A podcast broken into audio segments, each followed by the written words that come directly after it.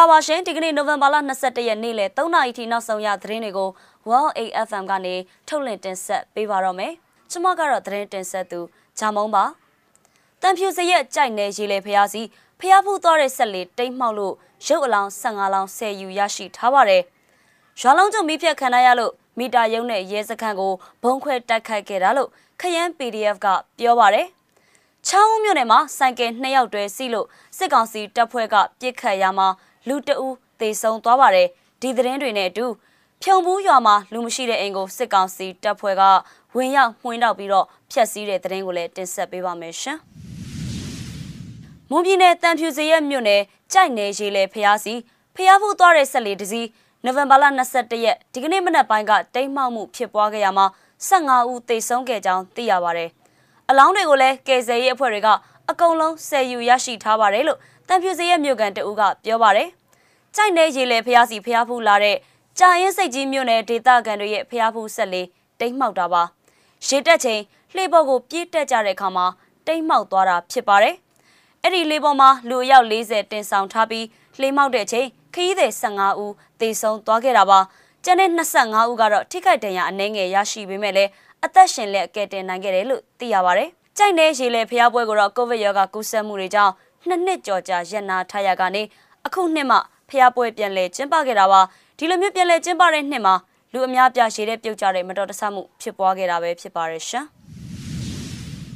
ရန်ကုန်တိုင်းခရမ်းမြို့နယ်ကပိန်းကန်ရွာရဲစခန်းနဲ့ပိန်းကန်မီတာယုံမင်းည10နာရီခွဲလောက်မှာတပြိုင်နက်ဖောက်ခွဲခံခဲ့ရပါတယ်။ပိန်းကန်ရွာနဲ့တမန်ကြီးရွာကို9ရက်နေပါရွာလုံးကြုံမိဖြတ်ထားတာကြောင့်ခရမ်းဒေသကာကွယ်ရေးတပ်ကအခုလိုဖောက်ခွဲတိုက်ခိုက်ခဲ့တာလို့သိရပါတယ်။ ကျွန်တော်တို့ပိန်ကန်ရဲစခန်းကိုအဝေးထိန်မိုင်း၃လုံးနဲ့ဖောက်ခွဲခဲ့တယ်။ပြီးတော့ပိန်ကန်မီတာရုံးကိုဖောက်ခွဲခဲ့တယ်။ဘာလို့လဲဆိုတော့သူတို့ကပိန်ကန်ရွာကို3260ပေးမှမီးပြန်ပေးမယ်လို့ပြောတယ်။အဲ့ဒါကြောင့်ဖောက်ခွဲလိုက်တာရဲစခန်းကလာပြီးတော့အဲ့ဒီတရွာတွေကိုပဲပြောသွားတာလို့ခရမ်း PDF နဲ့နှိဆက်သူတဦးကပြောပါတယ်။ခရမ်းမြို့နယ်ထဲမှာရှိတဲ့ရက်ကွက်ကျေးရွာတွေကိုလျှက်စစ်မီတာခတွေပေးဆောင်တာမလုပ်ဖို့ဒေသခံကာကွယ်ရေးတပ်တွေကနှိုးဆော်ထားပြီးလျှက်စစ်မီတာရုံးတွေကိုလည်း ပြည်သူတွေကိုဖိအားပေးတာမျိုးမလုပ်ဖို့သတိပေးထုတ်ပြန်ထားပါတယ်။ဖောက်ခွဲမှုတွေလုပ်ပြီးတော့ပြစ်ခတ်တာတွေလည်းရှိခဲ့ပါတယ်။ထိခိုက်မှုအခြေအနေကိုတော့မသိရသေးပါဘူးလို့ခရမ်းဒေတာကာကွယ်ရေးတပ်ပြန်ကြားရေးတာဝန်ခံကလည်း BBC ကိုပြောထားပါသေးတယ်။လက်ရှိမှာတော့ရွာလုံးကြုံပြီးဖျက်ခံရတဲ့ပိန်းကန်ရွာနဲ့တမန်ကြီးရွာဒေတာကန်တချို့ကတော့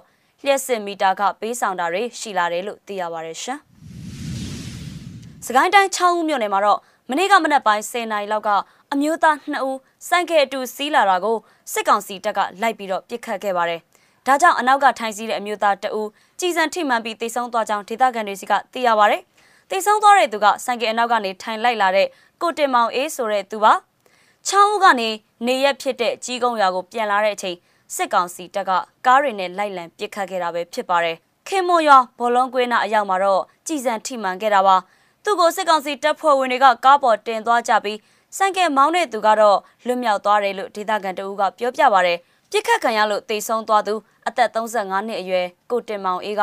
ကုံစိမ့်အယောင်းဝယ်နဲ့အသက်မွေးဝမ်းကြောင်းပြုတဲ့သူပါအမျိုးသမီးဖြစ်သူနဲ့9နှစ်ကျော်အရွယ်ကလေးတအူးကြံခဲ့တယ်လို့လည်းသိရပါရယ်မနေ့ကညနေ6နာရီကျော်လောက်မှာတော့စစ်ကောင်စီတပ်ဖွဲ့ဝင်တွေက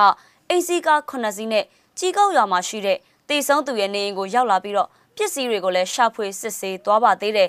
ဒီကနေ့မနက်ချိန်ထိ ကိုတင်မောင်အေးရဲ့အလောင်းကိုဘယ်နေရာမှာထားရှိလဲဆိုတာကိုမိသားစုဝင်တွေကမသိရသေးပါဘူးရွာကန်တွေကလည်းစစ်ကောင်စီတပ်သားတွေရွာထဲကိုရောက်လာလို့စိုးရိမ်ထိတ်လန့်နေကြရပါတယ်နိုဝင်ဘာလ18ရက်နေ့နောက်ပိုင်းကစပြီးတော့ဆိုင်ကယ်ရဲ့အနောက်ခုံမှာအမျိုးသားလိုက်ပါစီးနှင်းတာမပြုတ်ဖို့နဲ့ဒီလိုမျိုးစီးနှင်းရင်ပြစ်ခတ်မှာဖြစ်တဲ့အကြောင်းစစ်ကောင်စီကအမိန့်ထုတ်ထားတာဖြစ်ပါတယ်ရှင်ရေစကြိုမြို့နယ်ဖြုံဘူးကျေးရွာမှာစစ်ကောင်စီနဲ့ပြူဒလန်အဖွဲ့တွေက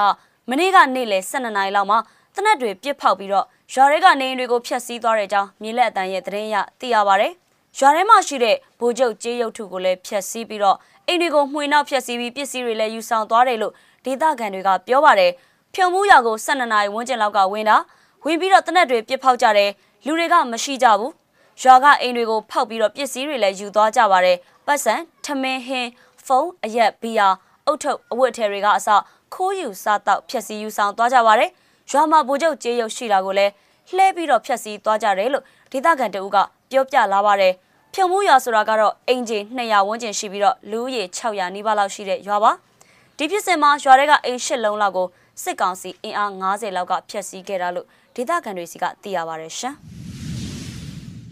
Well AFM ရဲ့နေ့လယ်3နာရီထိနောက်ဆုံးရသတင်းတွေကိုတင်ဆက်ပေးခဲ့တာပါအချိန်ပေးပြီးနားဆင်ပေးခဲ့တဲ့အတွက်ကျေးဇူးတင်ပါတယ်ရှင်။